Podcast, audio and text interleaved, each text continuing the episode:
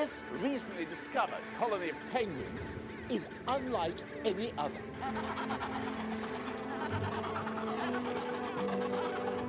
They don't need to huddle together every winter for protection against the bitter cold, because these little fellas can do something no other penguins can.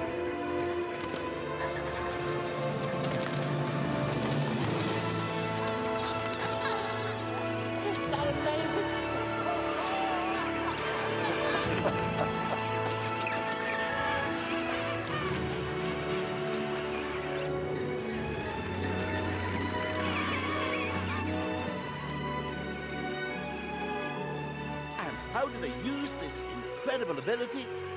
Well, they fly thousands of miles to the rainforests of South America where they spend the winter basking in the tropical sun.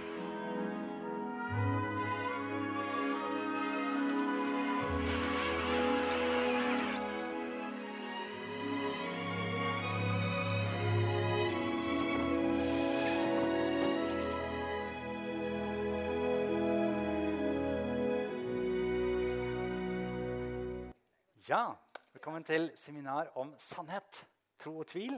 Så kjekt at dere er her. Nå så dere en haug med pinguiner som fløy rundt omkring. Og det skal vi snakke om om litt.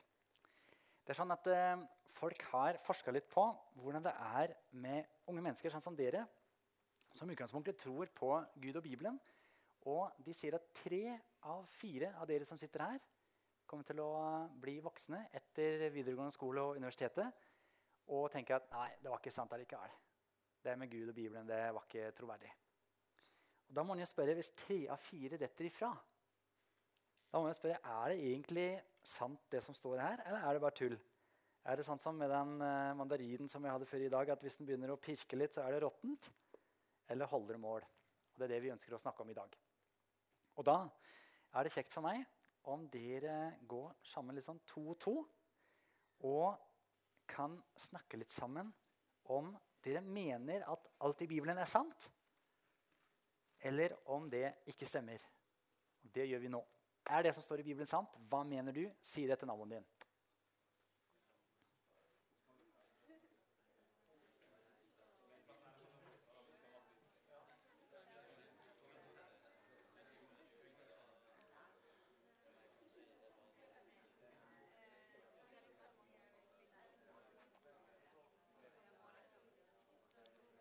Ja, For å kunne snakke om det, så må en faktisk eh, snakke litt først om hva er det som er sant.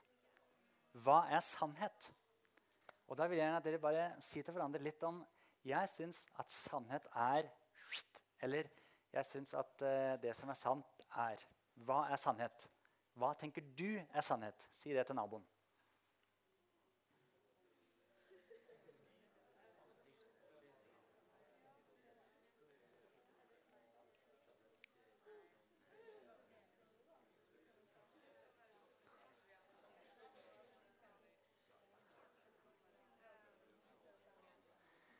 Kan vi få noen forslag? Er det noen som tør å rope høyt hva de sa til naboen sin? Hva er det som er sannhet? Ja, Hvis du har bevis og vitne opplevelse, så kan det hende du finner ut hva som er sant. Takk. Men sier du som det er? Ok, bra. Vær så god. Eh, Det er mange som liksom sier nei, det er sannhet for meg. Men jeg føler at det må være en sannhet som på en måte går over, over alt. På en måte at, at det ikke er på en måte forskjellige sannheter for hverandre. da. For, nei, for, alt, for forskjellige personer. At det er én sannhet. Ja, At det er én sannhet som er sant for alle, men at den ikke kan si det er sant for meg eller sant for deg. Da vil jeg gjerne spørre dere, Er det noen som syns det er varmt her inne? Du syns det? Er det noen som syns det ikke er varmt her inne? Ja. Så du syns det er sant at det ikke er varmt, og du syns det er sant at det er varmt. Det er i samme rom. Ja, vi, dette her er viktig å finne ut av, dere, for det, ellers så kan man fort bli lurt til å tro at noe er sant som egentlig ikke er sant i utgangspunktet i det hele tatt. Men jeg syns at dere var inne på noe som er veldig riktig. Og det han med blå genser baki der, så sier det som det er.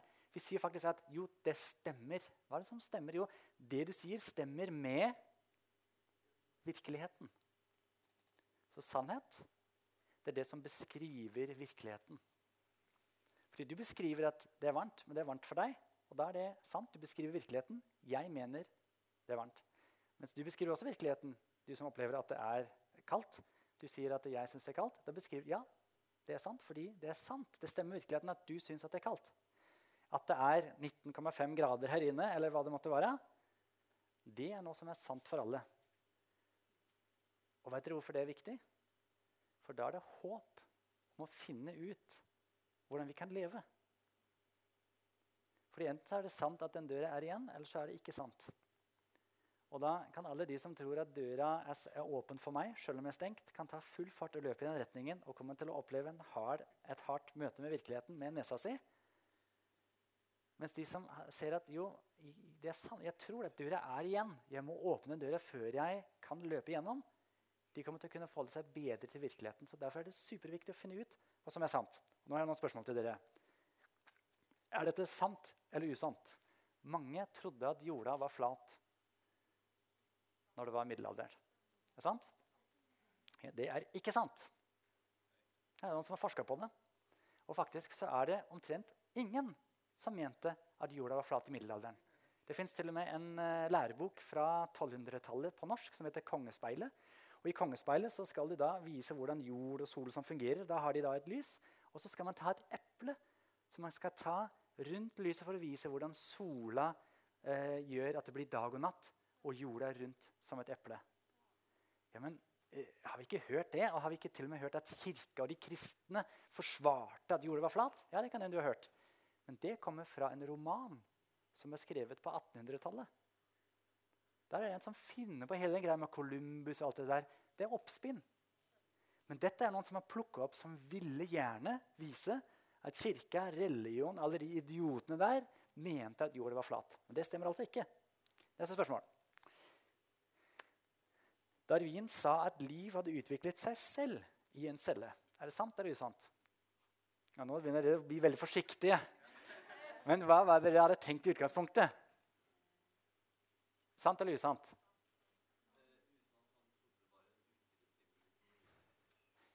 Ja, det er også usant. Det er usant alt sammen. fordi i Darwin sin bok så skriver han at det var Gud som skapte livet i den første cella. Og det er sånn at Hvis du kjøper Darwin sin bok 'Origin of the Species' i dag, så står det ikke det.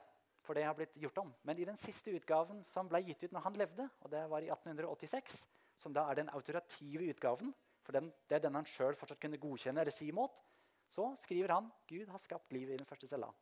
Og så har det utvikla seg til alt annet. Sier han. Om det er belegg på det eller ikke, det skal vi se på litt seinere. Vitenskap og Bibelen har mange motsetninger. Er det sant eller usant? Ja, Vi hører litt om begge deler. Dere begynner å bli litt forsiktige nå. Hva er det egentlig dette her går ut på? Hva skal vi svare nå? Det er jo Mange som sier at det er jo haugevis av forskjeller mellom Bibelen og vitenskap. Men jeg og mange andre mennesker, også vitenskapsmenn, påstår at det er det faktisk ikke. For det er nemlig i Bibelens vogge at vitenskapen oppstår. Hvordan kan du si det? Var det de kristne som fant på vitenskapen? Ja, faktisk. så er det det. Fordi hvis du tenker at verden er kaos, at alt bare skjer helt uvilkårlig, og alt er tilfeldigheter, så blir det som hvis bestefaren din hadde sagt at her er det en vedstabel, full kaos innpå der. Se om du finner et eller annet som, som, du kan regne deg fram til. eller se om du finner noe system. Det, nei, jeg, det gidder jeg ikke, for det er jo bare en vedstabel. Det er full kaos. Mens hvis bestefaren din sier at det her er en annen vedstabel, og inni der har jeg gjemt en figur som jeg har skåret ut, som du kan leite deg fram til. Da blir du interessert. Dette er ikke kaos. Dette er kosmos. Orden. Her kan jeg finne noe som makes sense. Da begynner du å leite og finner den figuren. Grunnen til at den moderne vitenskap ble starta, er fordi mennesker hadde lest i Bibelen at det fins en Gud som har lagd alt som er, med en mening. Og den meningen den vil vi forske på. Og det er ikke hvem som helst heller som bare sier det.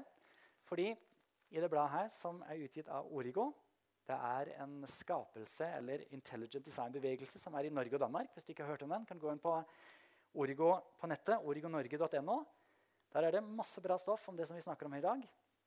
Blant annet så er det en artikkel her som snakker om det. Skapelsestro og vitenskap. Og her er det nevnt mange mange skape, eh, vitenskapsfolk opp gjennom århundrene. Som f.eks. da Vinci, Francis Bacon, Johannes Kepler, Pasteur, eh, Isaac Newton. Disse folka trodde på Gud. Gud hadde skapt. Det er derfor de gadd å forske. Det er ingen som gidder å forske i en kaos vedstabel. Men det er mange som gidder å forske i noe som de i utgangspunktet forventer at det er noe å forske på. Og Johannes Kepler, som ordna og lærte oss veldig mye om hvordan planetene flytter på seg, han sa til og med hovedmålet med alle undersøkelser av den ytre verden skal være å oppdage den rasjonelle orden og harmoni som den var pålagt av Gud, han som åpenbarte seg gjennom matematikkens språk. Hvis alt er kaos, så er du nemlig også bare kaos og tilfeldighet. Men hvis det er kosmos, så har livet plutselig en mening. Og det er det som er under sluttstreken her i dag. Har livet egentlig en mening? Ja, hvis Gud har skapt. Nei, hvis alt er kaos. Derfor er det viktig å undersøke disse tingene. Siste spørsmål til dere. Er alt i Bibelen fakta? Er det sant å si at alt i Bibelen er fakta, eller er det usant? Hva tror du? Og nå må vi få dere litt, nå er det blitt så forsiktig som en håndsopprekning.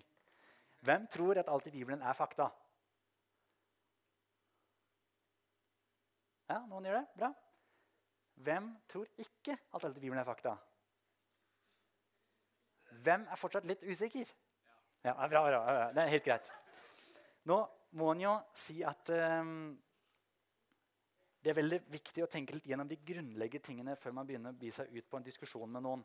For det å bare begynne å snakke om hvilken religion er riktig, før man faktisk har blitt enige om at det fins absolutter, da er det egentlig ute å kjøre allerede. Fordi Først må vi finne ut er det noe som vi kan si at alle mennesker sier er sant. Eller fins det ingenting? Er, er, alt sant for meg? Er det sant for deg? Jeg var i Kristiansand i fjor sommer og hadde mm, med meg et sånt uh, kameracrew og, eller en fyr og Viggo Clausen og lagde en DVD som dere skal se eh, på bordet seinere. Kanskje jeg kan få tid til å vise et klipp også. Og Da hadde jeg rundt, et skilt rundt halsen og så står det 'Jeg er en agurk'. Så gikk jeg til forskjellige folk og spurte dem, hva, hva tenker du om det. Og ei av de som jeg spurte, sa ja, du er en agurk hvis, hvis, du vil være en agurk. Ja, spurte henne er du Elvis. du da? Ja, Hvis jeg vil være Elvis, så kan jeg være Elvis. Da skulle jeg sagt kan ikke du synge en sang for meg? Men det kom jeg ikke på. da. Men jeg spurte henne hva med sola? Sola er jo der. Hvis du nå tror at sola ikke finnes, blir den borte da? Nei, sa hun. Den blir ikke borte. Vil det dermed si at det fins absolutter? Sola er jo der absolutt, uansett hva du mener, tenker, tror, føler. Den er der. Ja, sa hun. Så hun snudde og ble enig i at jo, det fins absolutter. Og hvis det fins absolutter, og vi kan beskrive de, f.eks. som å si at 'nå er døra igjen', da er det sant. For det beskriver virkeligheten. Den samtalen her er superviktig å ta med postmoderne mennesker. For å kunne komme fram til noe som man faktisk kan snakke om. Etter at folk kan bli enige med det, så går det an å gå videre og snakke om ja, hva er det faktisk som er sant, og hva er det som ikke er sant. Men sånn at når man sier at 'jeg tror på noe' Nå så dere de pingvinene i begynnelsen av uh, showet her. Og ja Det er vel ikke så mange som tror at det er sant at pingviner kan fly. Hvorfor, hvorfor tror vi egentlig ikke det? Vær så god. Du har sett pingviner sjøl? Ja. Kjempebra. Mm. Noe mer? Vær så god. Ja, du, du, har erfart at de kan, du har sett at de, ikke sett at de kan fly? Ja, Det er første gang jeg ser fly. ja bra. Først på TV eller på skjerm. Vær så god. Så du kan regne, Matematisk sett så har ikke vingeslag omfanget, muligheten til faktisk løfte den tunge kroppen av. Så det er bra. Kan regne fram til det. Kjempebra. Og folkens, det er sånn hodene våre fungerer. Vi, vi bruker forskjellige ting for å finne ut om noe er sant eller ikke. I utgangspunktet er det tre forskjellige ting. Hvis du skriver notater, så kan du skrive ned. Stemmer det med virkeligheten? Det er en veldig viktig ting som vi tenker på for å sjekke om noe er sant. Og da måtte en jo da gjort sånn som eh, dere første to sa. at eh, Kan vi gå til pingviner og se de fly rundt omkring? Stemmer det med virkeligheten? Og det kan vi jo si at nei. Vi har aldri sett det. Vi har undersøkt. Vi har vært i zoologisk hage. og de har ikke kunnet fly. Det andre er Henger det sammen? Does it make sense at pingviner kan fly? Og i utgangspunktet kan man si at jo, Pingvin er jo en fugl. Og fugler kan jo fly, så det henger egentlig sammen. Det gjør det. Det henger sammen at pingviner, ja, det er en fu- Fugler kan fly. Så den kan vi faktisk si ja til i det tilfellet her. Og så er det siste fungerer det? Det er den sannhetstesten som du faktisk også kan ta i ditt eget liv. Fordi at du er bygd ganske lignende selv som en pingvin, egentlig. Vingene dine er ikke så store. Kroppen din er mye større enn de. De av dere som nå tror at jo, det er sant at pingviner burde kunne fly, siden det henger sammen, at fugler kan kunne fly, og vi har ikke bygd så veldig mye annerledes enn fugler, kan hoppe ned fra lovtaket. Men hopper du ned der, så får du et hardt møte med virkeligheten. Og det er den siste sannhetstesten. Fungerer det? Disse tre testene må du ta på en påstand som noen kommer med. Du sitter i skoleklassen, og noen sier at eh, ja, alle religioner er jo egentlig like. Det var interessant. Takk at du tør å si det. Jeg har lært eh, i eh, romjula at eh, når, når noen sier noe sånt, så er det faktisk en test man kan ta for å se om det er sant. En filosofisk test. Og Det er ikke noe med Bibelen eller kristendommen å gjøre. Det er en filosofisk test. Og det første er stemmer det med virkeligheten. Da må vi undersøke. Og ser de på religionene, livssyna, så er det noen som sier at Gud fins ikke i hele tatt. Noen sier jo det fins en Gud. Noen sier at uh, jorda er basert på en gigantisk skilpadde. Unnskyld meg, men det er store forskjeller her. Det du sier, stemmer ikke med virkeligheten. Henger det sammen? Ja, altså hvis det, man kan si noe om alle religioner og, og, og at alle mennesker har en tro, det, så det kan du si. Fungerer det? Mm, mennesker som har veldig forskjellig syn på virkeligheten, de fungerer ikke godt sammen. Anders Behring Breivik hadde, har et syn på virkeligheten fortsatt.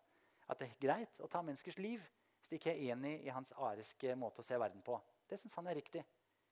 Fungerer det? Jeg vil si at det fungerer dårlig. Kanskje i et samfunn hvor alle har vært enige med ham, sånn som Hitler prøvde på. Heldigvis var det noen som ikke var enig, og stoppa det hele. For det ikke fungerer i virkeligheten med andre mennesker. Og da kan du faktisk si at jo, det du sier, at alle religioner er like, det, det kan du mene, det kan du tro. Men jeg har faktisk nå testa det og jeg fant ut at det stemmer ikke.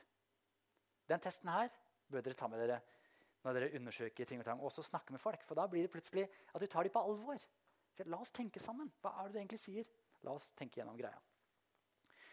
Supert. Men da blir det plutselig litt viktig, og da vil jeg foreslå for dere en ting som jeg har tenkt på altså nå i romjula, når jeg har liksom tenkt på seminaret som vi skal ha med dere. Kanskje du skal styre litt unna og si at du tror på Gud. Eh, Hvorfor det? Jeg tror jo på Gud. Jeg.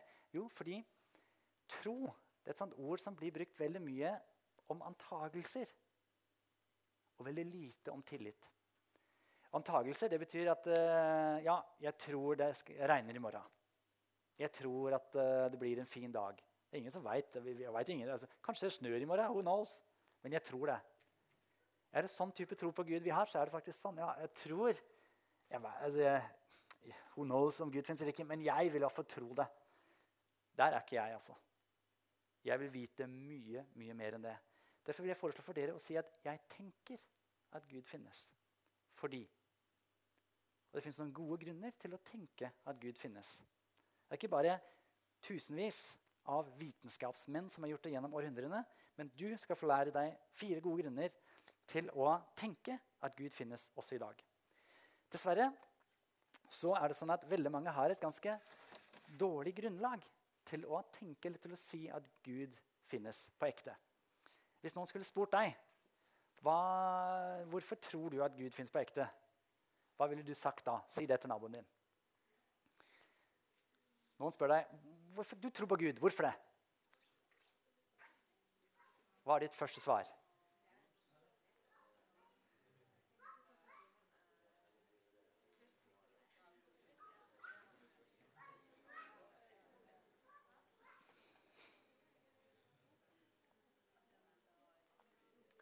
Ja, Her får dere ikke veldig god tid til å utprøve dere, og vi må få noen til å rope ut hva dere f.eks. kom på. Hva var det dere tenkte på?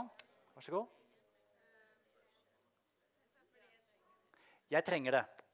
Ok, Kjempebra. Vær så god. Jeg opplever at det er sant. Det er blitt bevist. På hvilket vis, tenker du? I vitenskap? Ok. Gud som har skapt? Yes. Bra, takk. Vær så god. Det gir mening. Kjempebra. I sommer så var jeg en tur bortom eh, Chicago på en sånn kristen eh, konferansegreie. og Da satt jeg i bilen med en gjeng med ungdommer. Og eh, han ene ungdomslederen han, og De var jo kristne alle sammen. og Han satt ved siden av meg, og så var det en fra menigheten som satt litt sånn lenger bak. og han liksom, ja, hva, snakker vi om, Har dere noen gode grunner til å egentlig tro på Gud? Og, og hva ville du svart? Eh, liksom. Og han ungdomslederen han svarte at jo, det, det gir meg mening på de store livsspørsmålene.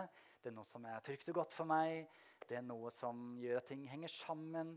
Det er noe som jeg trenger. Jeg husker ikke helt akkurat hvor han ordla seg, men det var de tingene jeg nevnte. Da sa jeg følgende. La oss nå late som om jeg er buddhist. Still meg det samme spørsmålet. Ja, greit, Chris, du som buddhist. Hvorfor tror du at det er sant eh, med buddhisme? Jo, sa jeg det. Gi svar på mine store livsspørsmålene. Jeg trenger det. Det får ting til å henge sammen. Hvem er det som har rett? Ja, er det ikke så enkelt. Fordi her snakker vi om sannhet som er inni her. Og slik var det litt med hun dama på gata som mente at jeg kunne være en agurk. For da er det den sannheten inni deg. Hvis du tror du er en agurk inni deg, så kan du få lov til å være en agurk. Jeg spurte også noen andre som så utenfra at nei, du er jo ingen agurk, du er jo et menneske. Fordi den ytre sannheten er superviktig. Er det derfor dumt å ha opplevelser med Gud og trenge Gud? Nei, det er ikke dumt i hele tatt. Det er jo der livet er. Men det som jeg ønsker å si til dere, er at hvis man kun har, har sine egne opplevelser med Gud som grunnlag for å si, for å tenke at Gud finnes, og plutselig de opplevelsene blir litt sånn 'Å, jeg har ikke fått bønnesvar, og jeg er litt dårlig nå.' Plutselig blir Gud borte.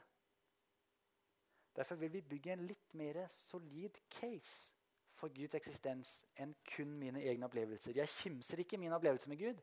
Det er der livet er. Men det som jeg ønsker å foreslå for dere, det er å begynne et helt annet sted. Og det er med det som en av dere svarte. Det er um, er det feil på At Gud har skapt. En ting som jeg håper dere kan ta med fra seminaret i dag, er en sånn regle som er lagd. Og det er at dere kan ta tommelen. Og de av dere som kan ha penn, kan tegne litt sånn smilefjes på tommelen. Der, ja. Og da kan dere si 'Jeg tenker at Gud fins fordi' Si det en gang sammen med meg. Jeg tenker at Gud finnes fordi Og da kommer den første. Og det er en av de hovedgrunnene til å si at Gud finnes. Og det er verden. Fordi verden, den er jo her. Og Jean-Paul Sartre, som er en av de største filosofene eksistensialister fra forrige århundre, han sier at det største utfordringen i filosofien vi, er egentlig at vi er her at vi ikke, ikke er her. Fordi siden vi er her, så får vi problemer. For da må, da må det finnes en mening. Da må vi finne ut alt mulig rart. Men de fleste oppegående mennesker var enige i at jo, vi er her. Noen mener at vi bare drømmer og alt det der. Men da går det an å si at look, en drøm er jo begrensa, mens nå kan jeg gjøre ting som overrasker deg, som du aldri har hørt før. Virkeligheten er mye større enn en drøm kunne vært. Så Vær så snill å bli med på det toget som sier at vi faktisk fins her på ekte. Det vil bli. Vi fins her. Da må vi se på hvordan er verden. Og da er det en ting som skjedde i 1960-tallet som sjokkerte vitenskapsmiljøet. For da var det en kar som het Arno Penzias. Han fikk nobelpris for dette i 1978. Og han oppdaga at i hele universet så fins det fortsatt i dag støy etter at universet begynte. Støy etter Big Bang. Eh, Chris, unnskyld meg, tror du på Big Bang? Ja, Big Bang er et av de største gudsbevisene som vi har. What? Det som jeg blant hører, er at noen sier at nei, jeg tror ikke på eh, Big Bang, jeg tror på Gud. Eller nei, jeg tror ikke på Gud, jeg tror på Big Bang. Folkens, Big Bang betyr at siden det smalt, og siden universet fortsatt utvider seg Albert Einstein fant ut av det. Universet utvider seg utvider seg. Akkurat nå så utvider vårt univers seg, akkurat som en ballong. Og Hvis det blir større og større, og større, hva betyr det at det var før? Mindre og mindre og mindre, helt til det begynte. Når dette her ble oppdaga, og når de faktisk begynte å kunne måle det, at universet utvider seg, den, den mørke energien, som det heter, da var det mange vitenskapsmiljøer som fikk helt hetta. For det, det er jo I 2400 år så har folk tenkt at nei, universet er konstant. Universet er som det er. Det snurrer og snurrer. Atomistene fant på det. Men det var ikke sant. Og hvem er det som hele tiden faktisk da har hatt rett? Det lille ørkenfolket, israelittene, som uten å vite noe som helst om universet skrev at dette her har begynt. Big Bang betyr altså at hele universet en eller annen punkt starta.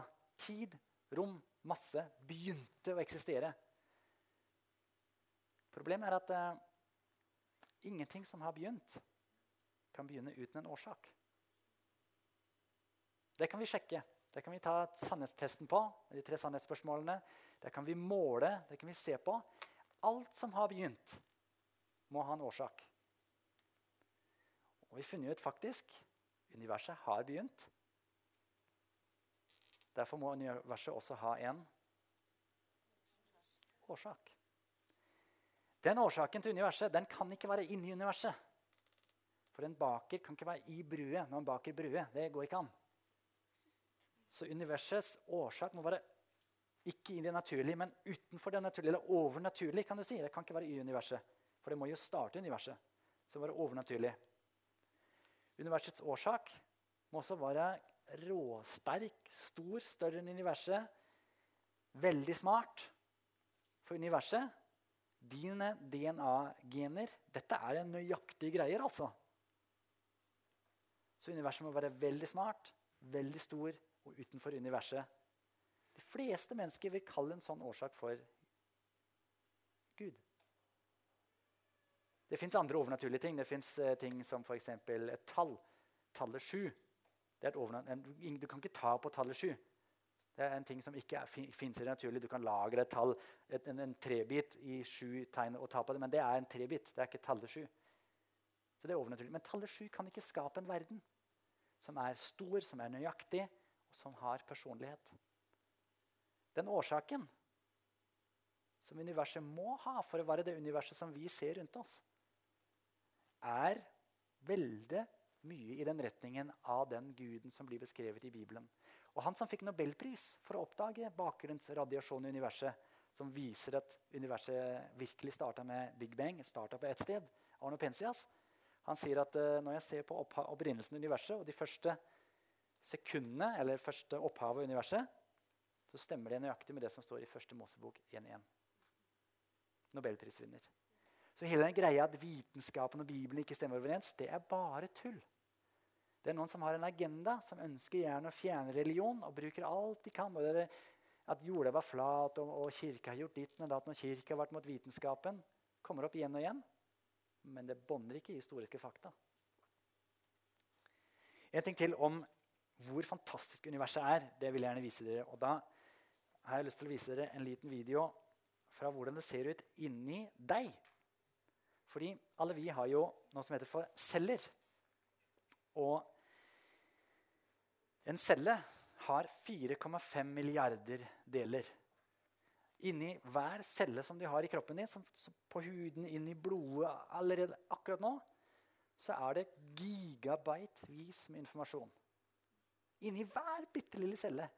Inni hver celle så er det sluser som åpnes og stenges, vann som skal ut. Når du, begynner, når du blir tørst, så har det skjedd en millioner av ting i kroppen din før du blir tørst, som da sier til slutt til hjernen din nå bør du drikke vann, fordi cellene, noen av cellene begynner å gå tom for vann. Inni cellen er det, det er måleapparater, det er enzymer som leser genkoder, som bygger kroppen. Hele informasjonen, hele deg, med hår, ansikt, og øyne og lepper og føtter og alt, den informasjonen fins i hver celle i DNA-strengen. Nå er det sånn at Informasjon oppstår aldri av kaos uten at det får hjelp. Informasjon oppstår ikke av seg selv. Når du går rundt i skogen og, og, finner en mobiltelefon, så er det ingen av dere som tror at den har blitt til av seg sjøl. Eller til og med en enkel bok, en, enkel, en bokstav, en setning. Så hadde det ikke vært i tvil om at noen har skrevet det. I din DNA-kode er det 1000 bøker med 1000 sider av informasjon. Og inni en celle så ser det omtrent sånn ut.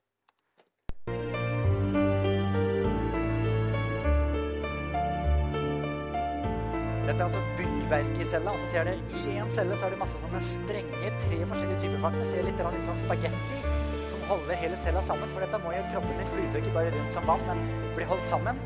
Det er inni hver eneste celle. Det er en del som flytter på seg. Det er kraftstasjoner. Det er noen som blir kvitt søppel. Det fins noen sånne små nesten menn som bærer rundt på store lagre av ting som skal flyttes hit og dit. Der ser du de små beinene som flytter seg att og fram. Dette skjer i din celle akkurat nå. For å gå en millimeter så måtte den der gått 132 000 skritt, tror jeg. Så det er veldig små greier. Inni cella så er det en nukleus, ikke sant? hjernen til cella som alt går ut ifra. Som tenker, som kan fordoble seg osv. Darwin, når han skriver at uh, alt liv utvikler seg av seg selv fra den ene cella, trodde det var en geléklump. Okay? Derfor kunne han skrive det. Hadde han visst det vi vet i dag, hadde han skrevet en helt annen bok.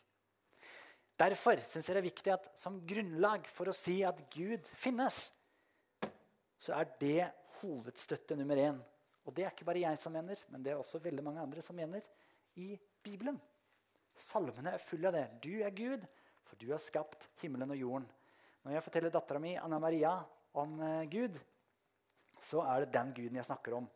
Her snakker vi ikke om en dukke som man kan be til, eller en gud i lomma di, men vi snakker om en gud som har skapt himmelen og jorden. Derfor er den første delen av regla jeg tenker at Gud fins fordi Gud har skapt. La oss si det sammen en gang. Jeg tenker at Gud finnes fordi Gud har skapt. Det er nummer én her. Veldig bra. En annen ting som jeg også syns er veldig viktig å ha med, det er nummer to. Og det er at Gud han har ikke bare lagd verden og så stukket av gårde. Men Gud han har vært aktiv i verdenshistorien. Gud har forandra land, nasjoner. Det som står i Bibelen om Gud, det har forandra ikke bare enkeltliv, ikke bare ditt liv, når du sier at jeg trenger Gud, men også hele verdenshistorien. Europa, sier vi. Hva er Europa for noe?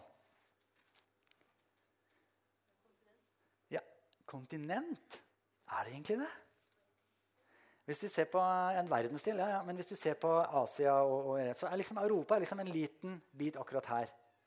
Det er ikke noe sånn Afrika det er ordentlig kontinent. vil jeg si. Nord-Amerika det er skikkelig kontinent. Sør-Amerika, Asia, Australia. Men Europa er jo bare en liten filledel av store Asia. Hvorfor skal vi si at Europa er noe kontinent? Hva er det som er forskjellen med, med Europa? Vet du hva som er forskjellen? Vi har definert det som en verdensdel, men hvorfor er det Europa som styrer kloden? Og da tenker jeg USA hittil har også den europeiske arven. Hva er arven? Hvorfor fungerer det? Jo, det er fordi de har brukt den her. Fordi Skal du ha et samfunn som fungerer, så må du ha noen ting som alle mennesker kan forholde seg til, som er gode regler. Hvis du lager noen regler som ikke fungerer, så blir det som Djengis Khan. Djengis Khan hadde et gigantisk eh, rike Helt, ifra, helt øst i Kina, helt bort til Russland og bort til nesten oss. Kjempestort. Men han hadde ikke noe grunnlag å bygge riket sitt på. Ikke grunnlegge verdier som fungerte videre utover. Og det brøt sammen. Romerike, samme greia. Folk begynner å påstå at de er guder sjøl. Og sier at jo, jeg syns det skal være sånn, det er min regel. Og nestemann kommer og sier noe annet. Plutselig veit ikke folk hvordan de skal leve lenger. Så bryter det sammen. Mens Gud og Bibelen er et vitne om at faktisk de greiene fungerer. Norge er det jo slik at vi feira Grunnloven for 200 år siden. Og det var dette Øystein serie 4 går ut på. At uh, ja, vi har en fantastisk grunnlov. og Så, være. så I fjor så var jeg i, på Eidsvoll og stakk innom denne feiringen. Eller ja, jeg var noen dager før. Og inne på Eidsvoll så viser de en sånn video. Så du kan gå i en sånn gigantisk sal. og Det er mange liksom, barn som har skrevet brev og hengt alt mulig rart opp på veggen. Og så kan du gå og se, demokratifilmen. Dette er liksom det store demokratiet. Så jeg gikk inn der og tenkte ja, ja, vi får se hva dette er. Og satt der. Og da var det 15-20 minutters svada om hvordan vi sjøl kan lage våre egne regler og få ting til å fungere. Dette har folk prøvd i mange århundrer. Altså, Hitler trodde akkurat det samme. Hitler har vært enig i den videoen. ja. Jeg syns sånn og sånn. Jeg syns de menneskene er viktigere enn andre. Vi kan gjøre sånn og sånn. Og bla, bla, bla. Og det gikk skikkelig i dass. Og det tror jeg det gjør i Norge også. Hvis vi fortsetter å si at vi kan skape våre egne regler, og hvis flertallet blir enig, så blir det kjempebra. Det er bare tull, altså. Tenk om flertallet blir enige om at eh, du skal utslettes. Ja, men det er min menneskerett. Menneskerettigheter, FN, hvor kommer det fra? Folkens, det begynner ikke i noe annet enn denne boka her.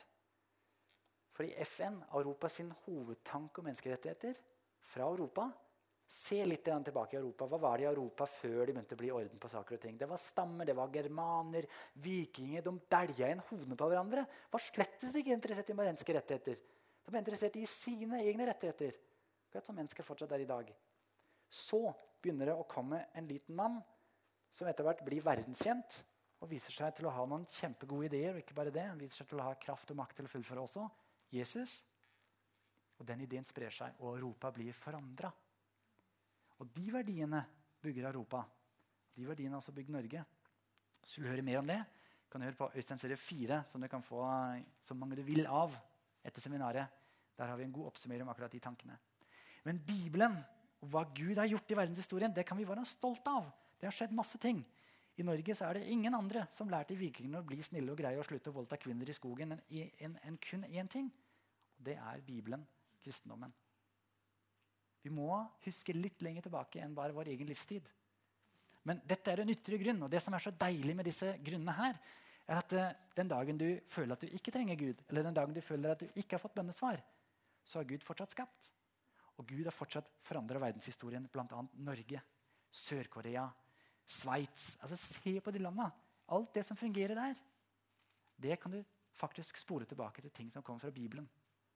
Det er en veldig interessant kar som heter Vishal Nagarwadi fra India. Han eh, er vokst opp som hindu. Vokst opp i India og sier at India fungerer ikke. Vi har masse folk, men det er fattigdom. Folk må leve i sitt karma. Eh, de fattige får ikke lov til å lære seg å lese, for da synder de. Og, men det som fungerer, er nå universitetsgreiene fungerer, og, og, og noen sånne statsgreier fungerer. Hvor kommer egentlig det fra?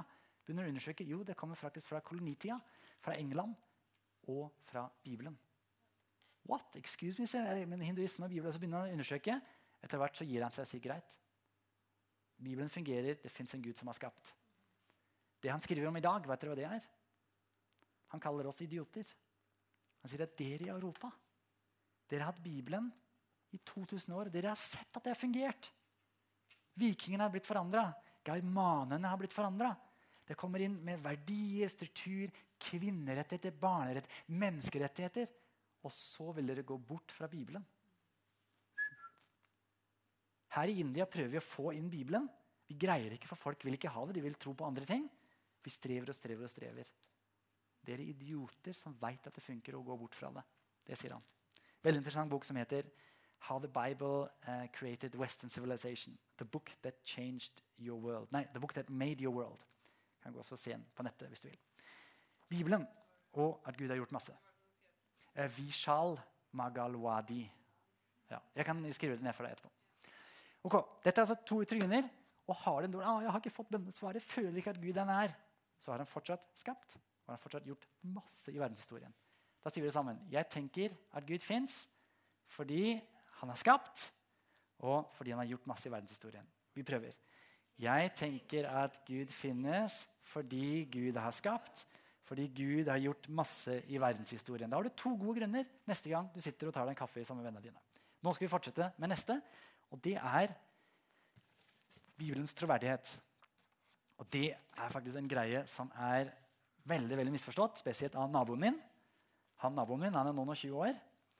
Og øh, Han er hjemme hos meg, og vi snakker sammen om, om, forskjellige ting om livet. Og han sier at ja, Bibelen det er jo bare eventyr. Ja, se, Da tror jeg ikke du har undersøkt Bibelen. Eh, hvis du ser litt på ting som blir påstått der, så vil du nok få et litt annet bilde enn å si et eventyr. Det blir fort avskrevet. All religion er jo eventyr. Derfor må også Bibelen være eventyr. Dette her er noe som vi bør se litt nærmere på. Jeg kommer til å vise dere en ganske så kort presentasjon av noe som jeg har lagd om Bibelens troverdighet. Dere kommer til å gå unna. Ikke vær redd for om du ikke får med deg alt. Hvis du bare får med deg én ting, og se at det med Bibelen faktisk er ekte saker, så har du fått med deg nok. Folk sier hele tida nei, det med Bibelen det er bare tull, fordi det er eventyr. Men så er det noen som der tenker at la oss sjekke det. Her står det nå om Jeriko. Greit, eh, Jeriko da, det skal være Israel, det skal være der og der, ja, men da går vi og sjekker. Ha, ha, ha, noen som sier det er bare eventyr. Glem hele greia. Noen drar dit og sjekker og graver. og I 1867 så er det da en ekspedisjon. De graver. Hva er det de finner? Jammen finner de Jeriko. Plutselig må alle de som har sagt at nei, men Jeriko er bare eventyr, må smelle kjeften igjen og si at jo, det er faktisk sant. Og her sitter jeg i Jeriko sammen med noen karer som, hyggelige karer som jeg ble kjent med på bryllupsreise. Da har vi testen. Stemmer den virkeligheten? Jeg har vært der. Jeg sjekka, opplevd det. Yes, det stemmer virkeligheten. Den fins på ekte. Folk har forska på det. Henger det sammen? Jo, det henger sammen at det kan finnes en by som heter Jeriko. Fungerer det? Jo, for de menneskene som bor i den byen, så fungerer det bra. Der er byen. Der fungerer. Det er ikke sånn at den ikke fins, for ellers hadde de ikke bodd der. Folk sier det stadig vekk om mange ting i Bibelen. Byen Ninive. Nei, Ninive, hele historien. Det er bare oppstilling blad. 1847 er det noen som graver og finner Jammen, kjære vene, her er jo Ninive. Pontius Pilatus. Nei, det er jo bare tull. Han finnes, han bare, bare lagt til historien for å gjøre det litt mer, mer spennende. Bare søppel. Så er det noen som går og graver rundt i Israel, finner et gammelt stadion. gammelt sånn type fotballstadion. Og Der er det en gammel stein i en trapp som de snur. Hva står det på baksida? Jo, står det faktisk Pontus Pilatus har jobbet i Romerriket i den og den tidsperioden. eller et eller annet sånt, Som er fra den tiden hvor han faktisk levde. Der er fysisk bevis på at Pontus Pilatus ikke er oppspinn, men er en historisk person. Dette skjer igjen og igjen. Peter, Der er Peter sitt hus. De, de kan, jeg har vært der og sett det. Det er et bilde som jeg har tatt sjøl. Eh, kong David, ikke sant? 1997 så ble det funnet en sånn stein hvor kong David blir nevnt. Eh, hebreerne, israelsfolk osv.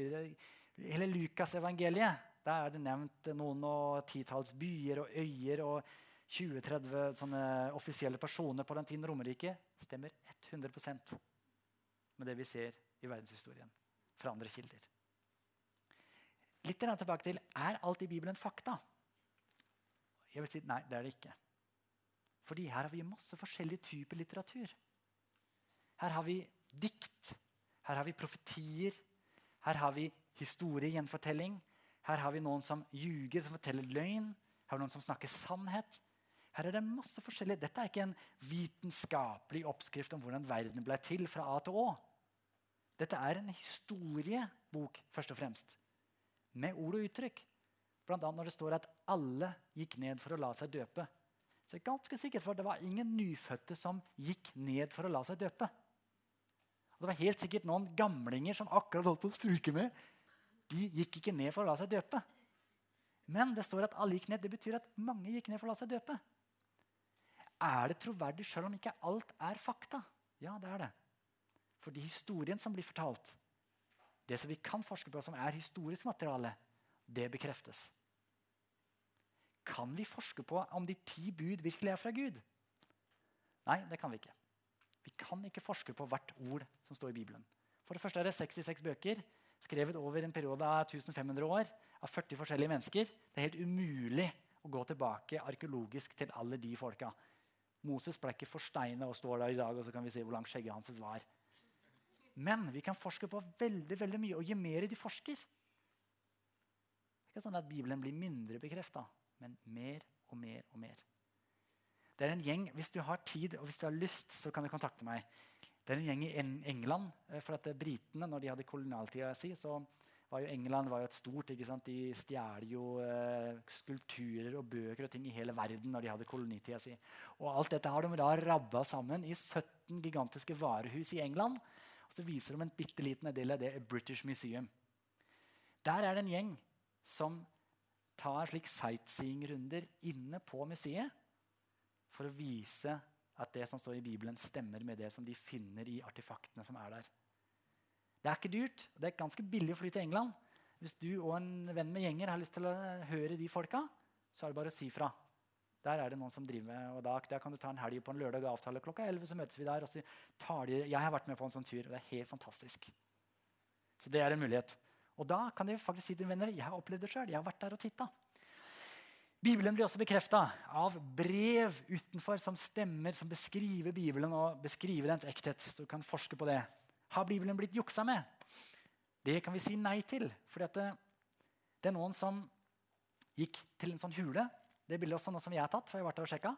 Dødehavsrullende. Historien er at eh, vi har jo ingen originale manuskripter fra Bibelen. Derfor er det noen som har skrevet om det. og Plutselig kan liksom Moses gjøre sånn og sånn, og plutselig kan Elias kjøre av gårde med vogna si ut i himmelen. og alt dette. Så er det en gjetergutt som er i et område som heter Komran. Og han har en stein og kaster den inn i en sånn hule bare for å leke. Og så hører han steinen sånn klikk, klikk, klikk. Hva var det? Så klatrer han ned og ser, og der er det masse sånne krukker med gamle skriftsteder oppi. Det som var litt dumt, var at eh, han tok det fram, og etter hvert var det noen som var interessert i å betale for dette.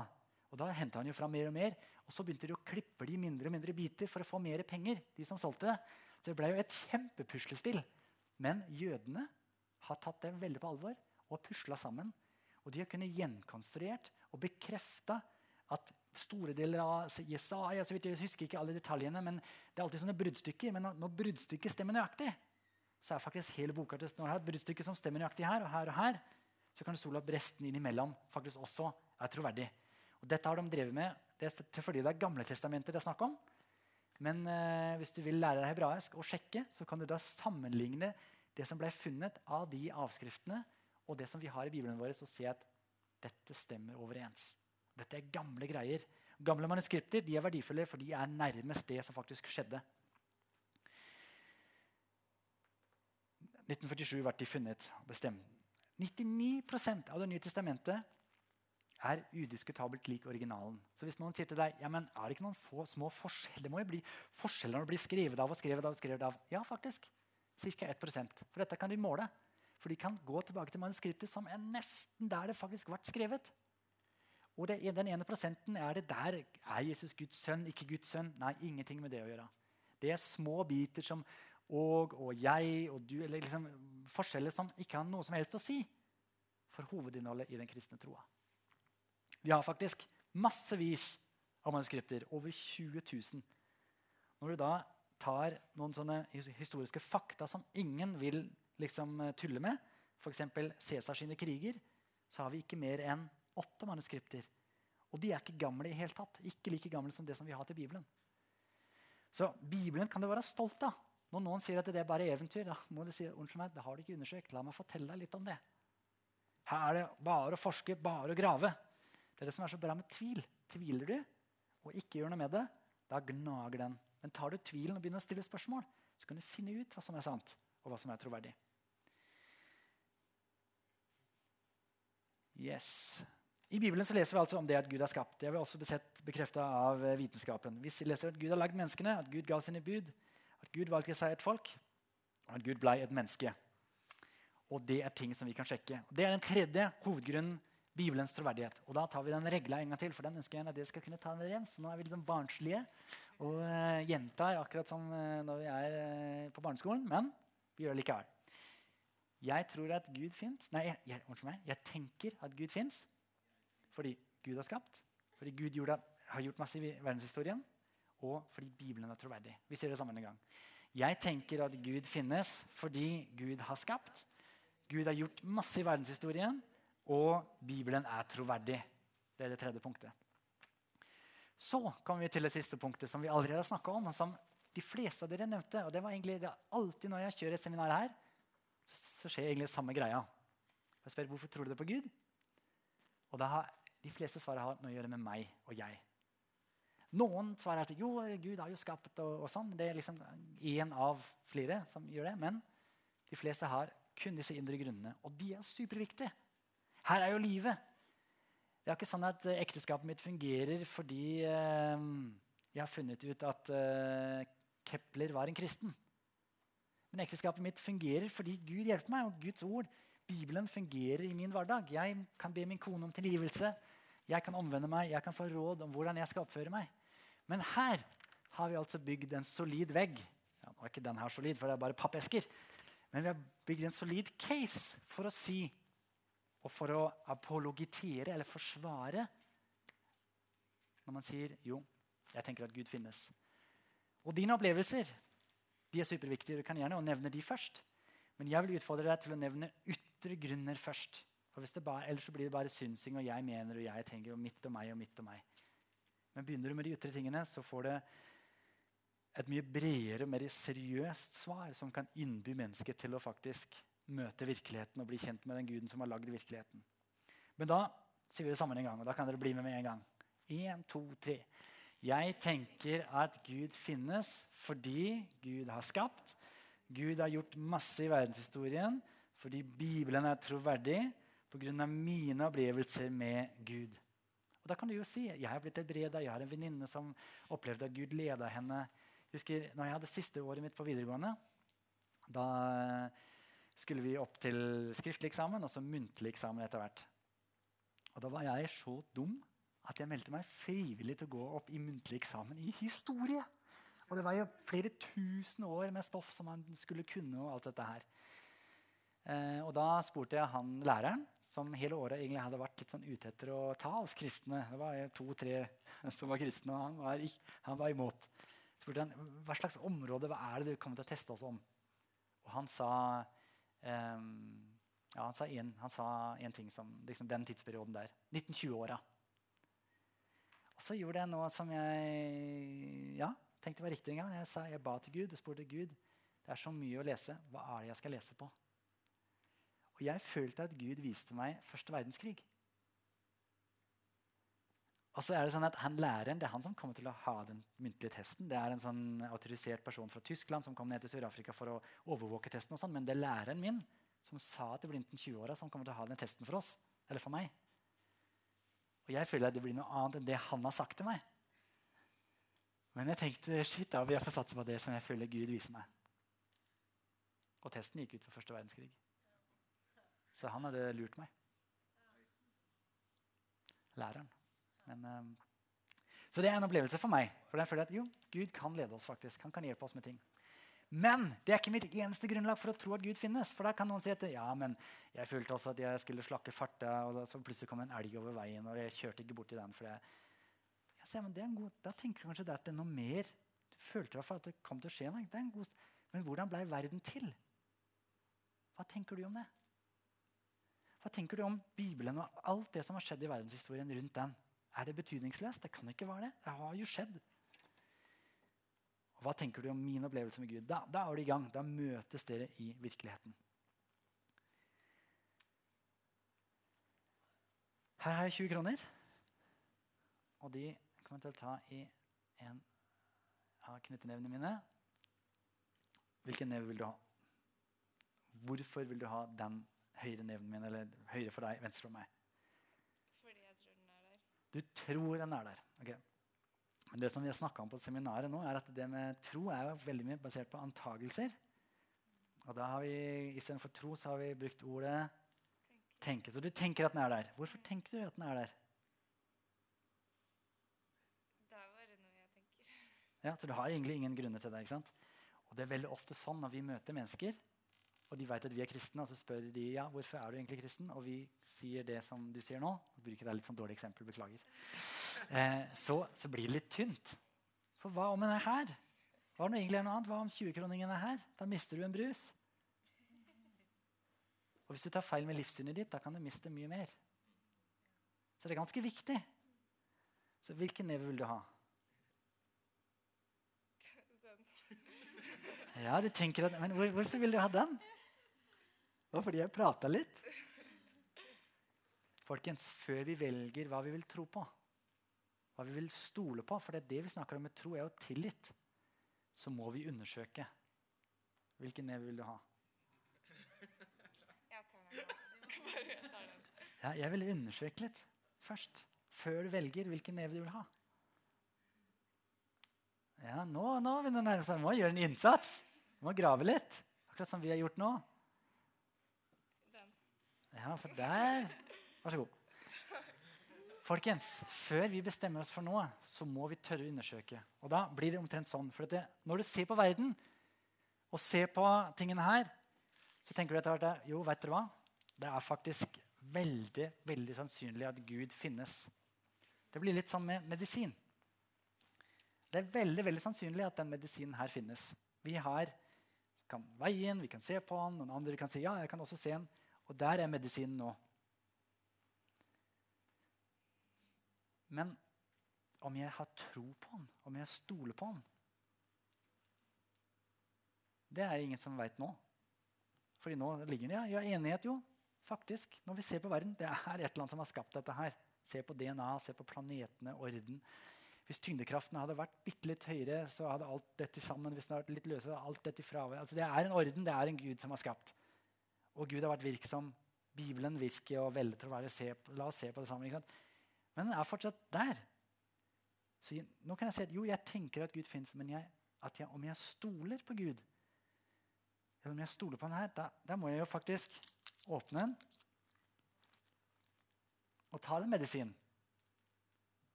Og det er jo livet med Gud. Og det er det vi inviterer til, er jo et liv med Gud. Det er ikke en teoretisk greie. nå skal ha en avregning for det sånn og sånn. Det er hvordan skal vi egentlig leve?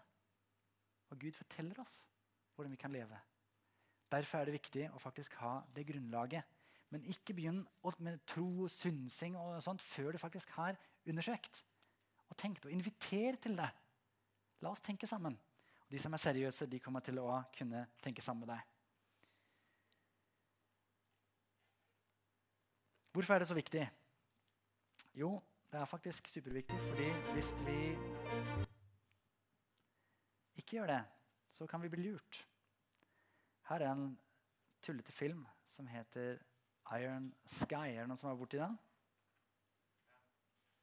Nå er jeg ikke sikker på om jeg ja, Men uh, her har det skjedd noe faktisk med min Jeg ser ikke den som jeg Det har lasta seg ut. Ja, Nå begynte den helt på nytt, da. Filleren. Okay, da får jeg bare vise dere tittelbildet, så jeg kan fortelle hva som skjer i den.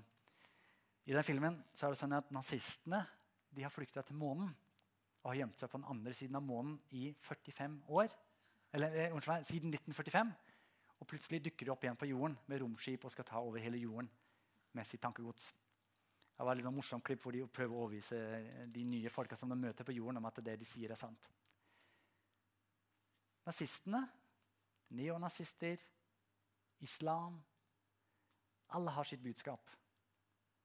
Og vi må velge selvfølgelig hva vi satser på sjøl.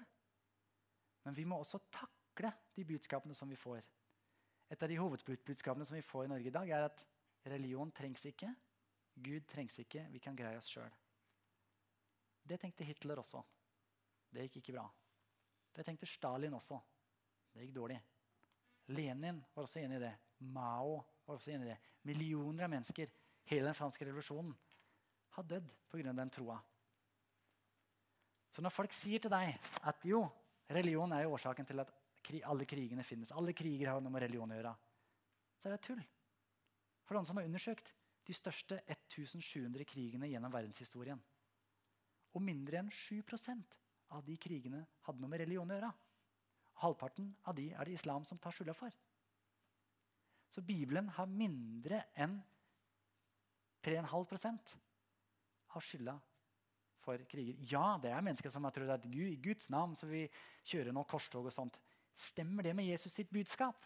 Nei, det gjør det ikke engang. Så hadde du lest hele Bibelen og gjort det som står i hele Bibelen, så hadde du ikke dratt ut på det. Men du kan forvri religion til å onde ting. Det er helt riktig. Men religion er også ansvarlig for at du kan lese. Fordi de fattige at de skal lære seg å lese, det er det kristne mennesker som fant på. Religion er årsaken til at det finnes så mange universiteter i Europa. Fortsatt i dag, vet dere hva Oxford University hva hovedsetningen deres er? Herren er mitt lys. The Lord is my light. What? Er det kristne? Ja, det er kristne mennesker som har grunnlagt omtrent alle av de store universitetene som vi fortsatt har i Europa i dag. Fordi, som jeg begynte med, du leiter ikke en vedstavl full av kaos etter noe ordning. Du leiter der som du veit at bestefar har gjemt en figur til deg. Gud har to bøker, sier Francis Bacon. Den ene er naturen, den andre er Bibelen. Begge de to er troverdige. Vær stolt av det. Undersøk mer. Og vis det til dine kamerater. Og innby til samtale om virkelighet. For alle mennesker møtes uansett i virkeligheten. Her er vi. Som jeg sa, er det noen få som tenker at vi bare drømmer, men de kan du gjerne invitere til en samtale og fortelle at verden er mye større enn din drøm. Så blir de også med i virkeligheten. Inviter til samtale i virkeligheten. Hvordan er virkeligheten? Still de tre store filosofiske spørsmålene som vi har hatt om det i dag. Er det noen som husker de? Hva er det første? Stemmer det med virkeligheten? Henger det sammen? Og fungerer det? Det som ikke er sant, det bryter sammen ved minst ett av disse spørsmålene. Stiller du de spørsmålene til Bibelen, så får du et helt annet svar. Stemmer virkeligheten? Ja, du kan undersøke. Gå opp til arkeologiske greiene og sjekk. Henger det sammen? Ja. Gud finnes, og han kan fortelle mennesker hva de skal skrive ned. Fungerer det? Ja, det gjør det. Både i verdenshistorien og i mitt liv. Dette er det budskapet vi har. Dette er det vi vil invitere til. Til et liv med en ekte Gud i virkeligheten. La oss be sammen. Gode Gud, vær så snill og hjelp oss til å kunne sjøl bli trygg på at du finnes, og vokse i vår tillit til deg. Og at du også er den som er interessert i oss, som vil hjelpe oss i våre liv. Hjelp oss til å leve for og med deg. Hjelp oss til å invitere andre mennesker inn i din virkelighet som du har skapt, sånn at de kan leve for og med deg. Velsign mine venner som er her i dag, og hjelp de til å kunne ta med seg det vi har snakka om, vi har snakka med hverandre, Å være lys for deg og, og salt på skolen, på jobben, dersom de er. Og invitere mennesker med inn i ditt rike. Amen. Nå er jeg litt usikker på om det ble tid for spørsmål. Hvordan ble det med tida? Halv fire neste gang. Så da har vi faktisk litt tid til spørsmål. Jeg lover ikke at jeg kan svare på alt. Men kanskje det er noe som du alltid har lurt på. Hva, ja, men hva med dette? Hva med sånn og sånn? Jeg har en venn som har sånn og sånn. Vær så god. Ehm, er er er er?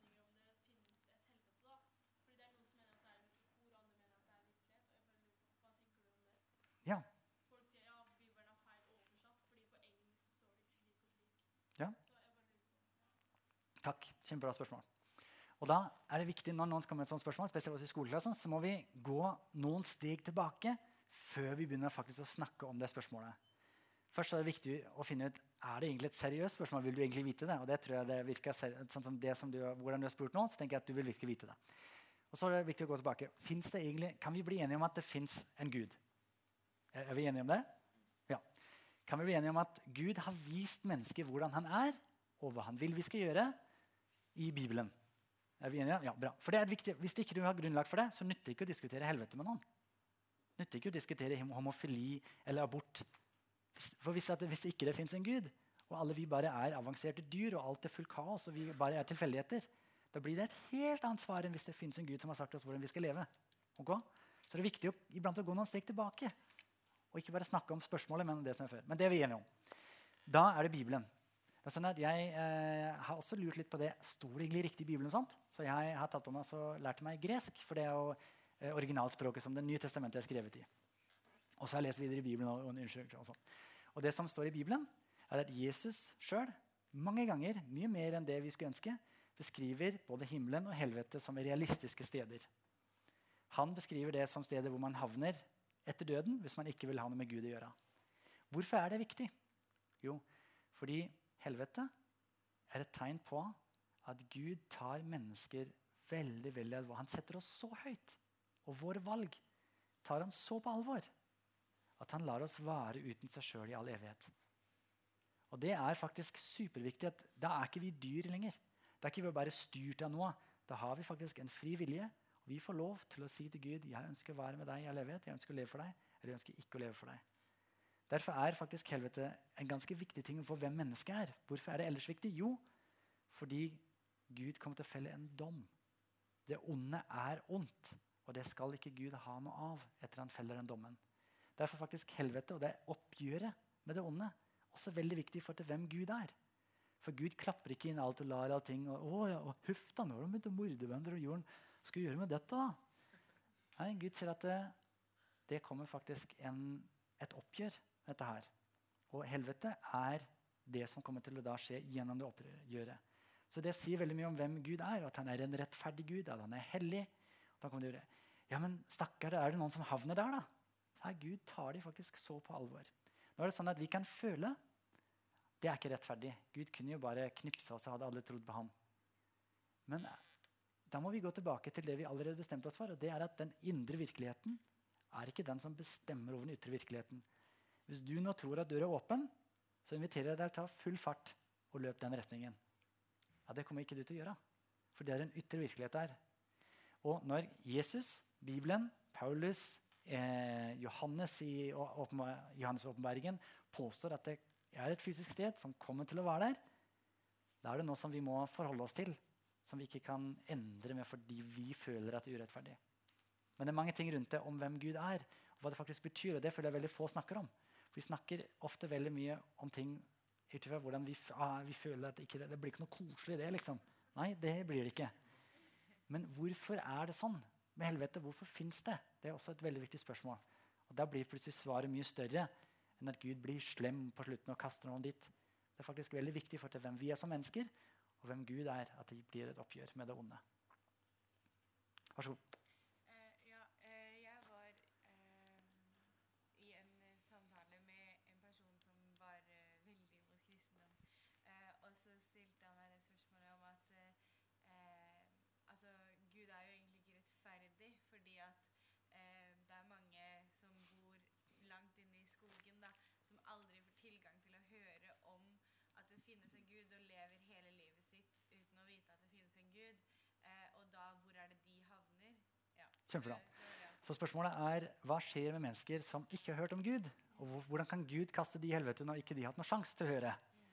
Og jeg tror ikke Gud kommer til å gjøre det, for Gud er en rettferdig Gud. Så I Bibelen så er det veldig nøye sagt at alle mennesker kommer til å dømmes for hvert ord de har sagt, hver tanke de har tenkt, og hver ting de har gjort, over hele jorden. Og så kommer Gud til å felle en dom over det. Når det er sånn at Gud sier jo mer enn det. Han blir et menneske for å redde oss. Han gir sitt ord og viser oss hvordan å leve. Og han har brukt et folk, Israelsfolket, til å fortelle om de tingene. Kommer han da til å dømme noen som er sinnssvak, eller som er nyfødt, eller som bor ute i skogen, på samme måten som noen som har hørt? Nei, sier Bibelen. Du er ansvarlig for det som du har fått, sier Bibelen. Til og med når de israelsfolket vandrer gjennom ørkenen, så er det sånn at faktisk alle som var yngre enn 20 år, de fikk lov til å gå inn i det lovede land. De som var over 20 år, som fikk oppleve alt det som hadde hørt Gud snakke, og alt dette, de fikk ikke lov til å slippe inn fordi de var ansvarlig for det de hadde hørt og sett. Da tenker jeg at For en gud! altså. Han, ikke, han kaster ikke bare liksom ild og lynslag her og der, og sånn og sånn, men akkurat som han sjøl er. Han er rettferdig. Han kommer til å dømme deg og meg rettferdig. Og Det kommer han også til å gjøre med de som aldri har hørt, de som var nyfødte, de som var sinnssvake. hva det måtte være. Gud kommer til å felle en rettferdig dom. Det er akkurat sånn han viser seg i Bibelen. Vær så god. Jeg fikk et spørsmål av en kamerat av meg på skolen en gang. Eh, altså, eh, Jamie, eh, hvis Gud er så bra, eh, hvorfor tillater han at barn blir født med sykdommer? Altså sånne typer sykdommer som de ikke blir friske av, da. Ja. Som de lever med hele livet. Eh, diverse funksjonshemninger og slike ting, da. Så spørsmålet er, Hvis Gud er så bra som han er, som, i, som, han, som Bibelen påstår, hvorfor tillater Gud da sykdom blant barna? Hvorfor tillater han at vonde ting skjer? Og da er det sånn at Gud utgangspunktet, har ikke skapt en marionettverden. Gud har skapt en verden hvor han tar oss så på alvor at han har lagd oss i sitt bilde. Det betyr at vi kan velge det gode eller det onde. Det betyr at verden har blitt et sted som ikke er helt som Gud ønsker lenger. Gud ønsker ikke at barn skal bli født med sykdommer. Gud ønsker ikke at vi skal drepe hverandre. Gud ønsker ikke at vi skal baktale, si stygge ting. Men Gud ønsker ikke at vi skal være dyr som kun lever etter instinkt, eller at vi skal være hans marionetter som kun gjør akkurat det han sier. Han ønsker at vi sjøl skal kunne ta valg. Det har konsekvenser. Det hadde konsekvenser ganske så rett etter at han hadde skapt. Da kom syndeflommen og han starta på nytt. Det har fått konsekvenser igjen også nå. Det som er av sykdom og av vonde ting som skjer, og krig, det er en konsekvens av at vi har beveget oss bort fra Gud. Derfor fins det i dag. Men det er en sånn regle som folk sier at Gud skal være allmektig og kjærlig. Men det fins vonde ting i verden. Derfor kan Gud enten ikke være kjærlig eller ikke allmektig. Det er det som folk stort sett sier. Den regla er ikke fullstendig. Fordi regla er egentlig sånn, hvis en skal se på virkeligheten. Gud er allmektig og kjærlig. Det fins onde ting i verden. Gud har ikke rydda opp enda. Men han kommer til å gjøre det. Men Gud ville ikke skape en verden som var automatisert. Han ville skape en verden med personlighet, med hans personlighet. Det gjør at vi kan velge. Vi kan også velge det onde. En interessant ting hørte jeg når jeg gikk på sånn hjertefokusuke eh, i fjor. Det var at um, tenker jo at ja, men kreft, får kreft, så er jo ikke det akkurat det er ingen sin feil. Det er kreft. Liksom. Hvorfor måtte det komme inn? liksom? Faktisk så er det 80% høyere sannsynlighet for at unge menn får kreft dersom deres familier er ødelagte. Så dette at vi går bort fra Gud, det påvirker hele universet. Syndefallet er ikke liksom, 'Å, filleren, nå får vi ikke slippe inn i himmelen lenger.' 'Nå må Gud redde oss.' Syndefallet det er ødelagt en masse. Blant annet har det med sykdom og ondskap, krig, dårlige valg kommet inn. Men Gud er ikke ferdig med verden. Og Det er det som er så fantastisk med Bibelen. at Bibelen beskriver ikke bare tingenes tilstand. Det er enkelt å gjøre når man ser seg rundt. Men Bibelen forteller også at det fins håp. fordi på slutten så kommer Gud til å rydde opp. Og da blir det en rettferdig greie for alle, både som var syke, friske. Gud kommer til å gjøre opp. Han er ikke ferdig med ondskapen ennå. Vær så god. Jeg bare har et oppfølgingsspørsmål til det. Em, type, eh, fordi jeg tenker på at Gud har en plan for alle eh, fra de liksom eh, er i mamma sin mage. Og liksom når de er født, så har han på en måte en plan eh, for alle. Og da tenker jeg liksom de som eh, blir født som på en måte ikke har muligheten til å leve et eh, Ja, at de blir født med så mm, mye disabilities at de på en måte ikke klar, ja, klarer å leve på en normal måte som et normalt menneske. Jeg vet ikke. Eh, ja, rundt, tanker rundt det. Eh, om Guds plan, liksom. Ja, jeg vet ikke. Ok. Fordi at eh, jeg føler at synd har på en måte At Gud skaper et menneske, men så på en måte kommer synd eh, med Ødelegge for dem uten at det er deres feil. på en måte. Ja. Så spørsmålet er hva med mennesker som blir født med um, handikap og ikke greier å leve eh, sånn som man burde kunne gjort? Hva tenker Gud om det når han egentlig har en plan for dette mennesket sitt liv? Jeg tror ikke at Gud har en detaljstyrt plan for alle menneskers liv. Gud sier til Adam Adam, nå er det din oppgave å navngi dyra. Ok? Så Adam sier ja, ok, da, da begynner vi på. Eh, Sjiraff. Det var en morsom elefant. Hva står det da? Er Gud med på det? Gir Gud han liksom med Den hellige ånd hvordan han skal kalle dyr? Nei, han gjør ikke det. For Gud har skapt Adam så bra, han har skapt mennesket så bra at vi faktisk kan ta valg. Og så står det at Gud kom for å se hva Adam ville kalle dem. Dette er en ting som vi kan streve litt med faktisk i karismatikken, eller også i, ja, i, i den menighetssammenhengen som mange av oss er i. At vi tenker at det beste er om liksom jeg gjør, hører fra Gud og gjør nøyaktig det som liksom Gud sier. Da, da blir liksom livet bra. Men det er faktisk ikke det beste. Fordi Gud har skapt Simon til å kunne tenke sjøl. Han har fått ei nøtt på skuldra sine, og de skal han bruke. Er det viktig å spørre Gud om råd? Ja, det er det. Skal vi alltid spørre Gud om råd? Nei. Ta på deg den bokseren som du syns er best i morgen, uten å spørre Gud. Ta og tenk, hva, hva, skal jeg gjøre, finne på i ettermiddag? Skal jeg besøke han eller han? Vi skal bruke Ja visst, når det begynner å bli liksom Hvem eh, skal jeg gifte meg med? Eller spør Gud. Ja, men bruk hodet. Spør dine foreldre. Jeg spurte mine foreldre og, mine venner. Hva tenker dere om den jenta? Er, det, er dette en bra match? Sånn har Gud skapt oss. Jeg tror ikke at Gud har en detaljstyrt plan for alle mennesker. Er det sånn at noen mennesker må lide for andre menneskers ondskap? Ja, det er det dessverre. Hvis jeg nå starter en krig mot din familie og skyter ned hele gjengen, da har dere gjort noe gærent for å fortjene det? Nei. Men menneskeheten er fallent, og vi kommer til å gjøre onde ting. Når noen blir påkjørt, det er ikke, gir ikke mening i det hele tatt. Mm, det gir litt mening, fordi det mennesket som kjørte på den andre, hadde faktisk en mulighet til å ikke drikke den kvelden. Han tok et feil valg, derfor ble han påkjørt. Er det en mening med alt? Nei, det er ikke det. Det er ikke en mening med alt. Fordi verden slik som Gud har skapt den, er også full av tilfeldigheter. I islam er det annerledes. I islam så er det inch Allah. Gud styrer alt. Problemet blir da at kan vi egentlig da si at noe er ondt? Hvis jeg nå dæljer til deg, så er jo det faktisk ikke jeg. For Gud er så allmektig at han styrer alt vi gjør i islam. Sånn er det ikke i Bibelen. Bibelen sier at du kan få lov til å ta dine egne valg, og du kommer til å være ansvarlig for dem. Og da kan du plutselig si etterpå at det var feil, det du gjorde der. Fordi Gud har sagt at vi ikke skal dælje til hverandre. Derfor slutt med det. Hvis ikke Gud fins, kan du egentlig ikke si det, for da fins ikke noe rett og galt. Og hvis du er muslim, så kan du egentlig heller ikke si det. Så det onde er et kjempeproblem i islam, men ikke i kristendommen. Jeg skal si dere en ting til som er litt morsomt. Det onde er et kjempebevis for Guds eksistens. Så Hvis noen sier til deg ja, men jeg kan ikke tro på Gud, for det er så mye ondskap i verden ja, eh, Unnskyld meg, men hvordan kan du si at noe er ondt? Ja, det, det er jo ondt når noen kriger. Hvorfor er det ondt? For, altså, hvis, hvis alt har starta og utvikla seg av seg selv, og alt har skjedd av seg sjøl og, og jeg nå i dag må gjøre sånn med armene mine fordi det bare er Og jeg må bevege munnen og gjøre Og jeg må bare Så er plutselig ingenting godt eller ondt lenger, for alt må jo bare skje. Men dersom Gud har skapt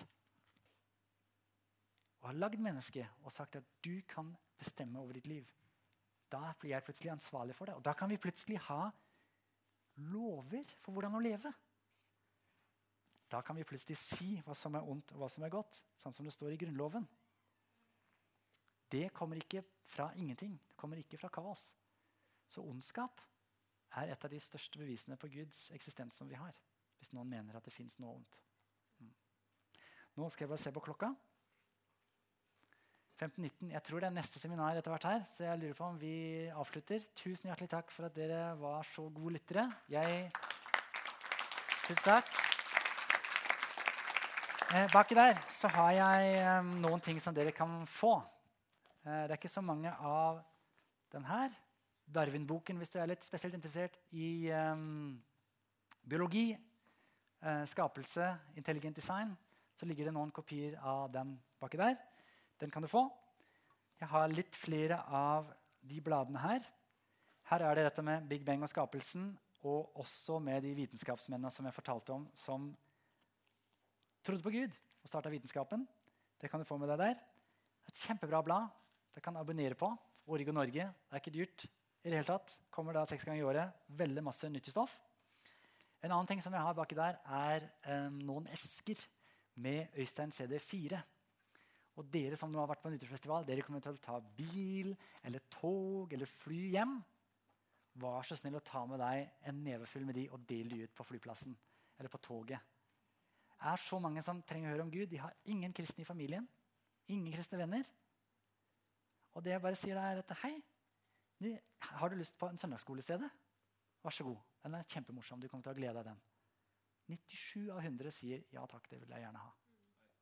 Det er ikke målt så nøyaktig, men det er veldig veldig sjelden at noen sier at det, nei, nei, vil ikke ha det. Nå er vi ute på gata, til og med i Hedmarken. Ja, og tusen takk! Så vær så snill og hva med å gi bort noen Øystein-CD-er. Så alle som har vært her på seminar, må ta med seg minst tre CD-er. Og da får de ikke bare lov til å slippe de i naboens postkasse. Du kan gjøre det også. Men gi det til noen. Dette er en søndagsskoleserie. Vær så god. Så hvis du har lyst til å gjøre det, Du må ikke, altså, men vær så snill å gjøre det. For vi vil, vi vil spre det vi har fått. Og på den CD-en så forklarer vi faktisk norgeshistorien de siste 2000 år. Fra vikingene til i dag. Og vi fikk med en av Norges fremste historikere, Karsten Alnes, til å godkjenne innholdet. Og han sier at det som du skriver om Bibelens eh, viktighet for Norge, Hans Nilsen Hauge osv., dette har du full dekning for. Han skulle fått ordet når det var 200 års jubileumsfeiring på Eidsvoll, men der ble ikke Gud eller Bibelen nevnt. Og det er historieforfalskning. Men eh, hør på serie 4. Der har du også mye å lære. Yes. Eh, skal vi se, ligger det, jo, det ligger en ting til der. Det er en DVD som jeg har laget med en kamerat som heter Viggo. Og På den DVD-en så um, forklarer vi om det som vi har snakka om her i dag. Den koster dessverre fortsatt penger. koster 200 kroner. Men uh, der tar vi opp det nokså grundig det som vi har hatt om i dag. Så den kan du også kjøpe. Jeg står ved bordet der nede. Da kan vi skru av lyden, og så går jeg dit.